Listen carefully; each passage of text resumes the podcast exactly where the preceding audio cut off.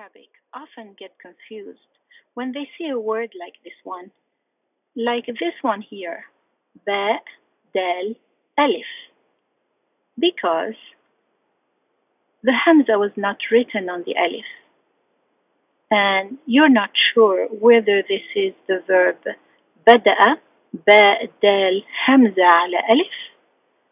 Bada'a is to start, bada'a in the past, yabda'u in the present.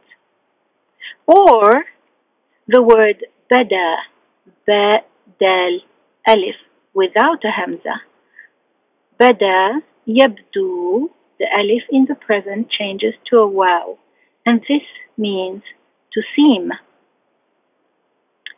So you will have to rely on context.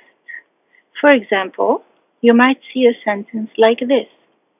بدأ يدرس اللغة العربية منذ ثلاث سنوات. He started studying the Arabic language three years ago. بدأ and the hamza may not be written. It's supposed to be written, but it's not always written. So um, you might get confused and think this is bada to seem. However, if you read it as bada, it would not make sense. Bada yadrusu uh, doesn't make sense. You would have to say bada wa ka'annahu yadrusu. He seemed as if he were reading, as if he were studying. Sorry, not reading. Um, so بدأ يدرس اللغة العربية منذ ثلاث سنوات means he started studying the Arabic language three years ago. Well, let's see an example with بدا يبدو which means to seem. يبدو أنه مريض. It seems that he is sick. يبدو أنه مريض. Or لم يحضر إلى المكتب اليوم. يبدو أنه مريض. He did not come to the office today. It seems that he is sick.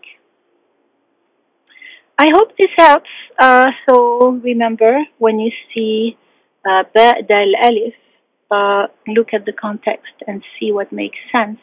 Is it bada'a or bada'a? Bada'a to start or bada'a to seem? See if you can hear the difference between these two verbs. Here are two sentences to check. Sentence number one. بدت نحيفة في ذلك الفستان الأسود. What does this mean? Take a guess. بدت نحيفة في ذلك الفستان الأسود. She seemed skinny in that black dress. بدت نحيفة في ذلك الفستان الأسود. If this were the verb to start, you would have heard بدأت, بدأت, and it would not have made sense in this sentence. Okay, let's try another example. بدأوا يأكلون قبل وصولنا. بدأوا يأكلون قبل وصولنا. What does this mean? Take a guess. بدأوا يأكلون قبل وصولنا. They started to eat before we arrived or before our arrival. وصول is the noun form for the verb وصل to arrive. Arrival. بدأوا يأكلون قبل وصولنا. They started to eat before our arrival.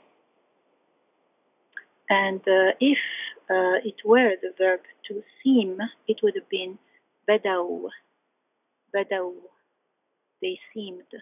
And it would not have made sense in this context. Would you like to support this podcast? Click support and choose any amount you like. Thank you.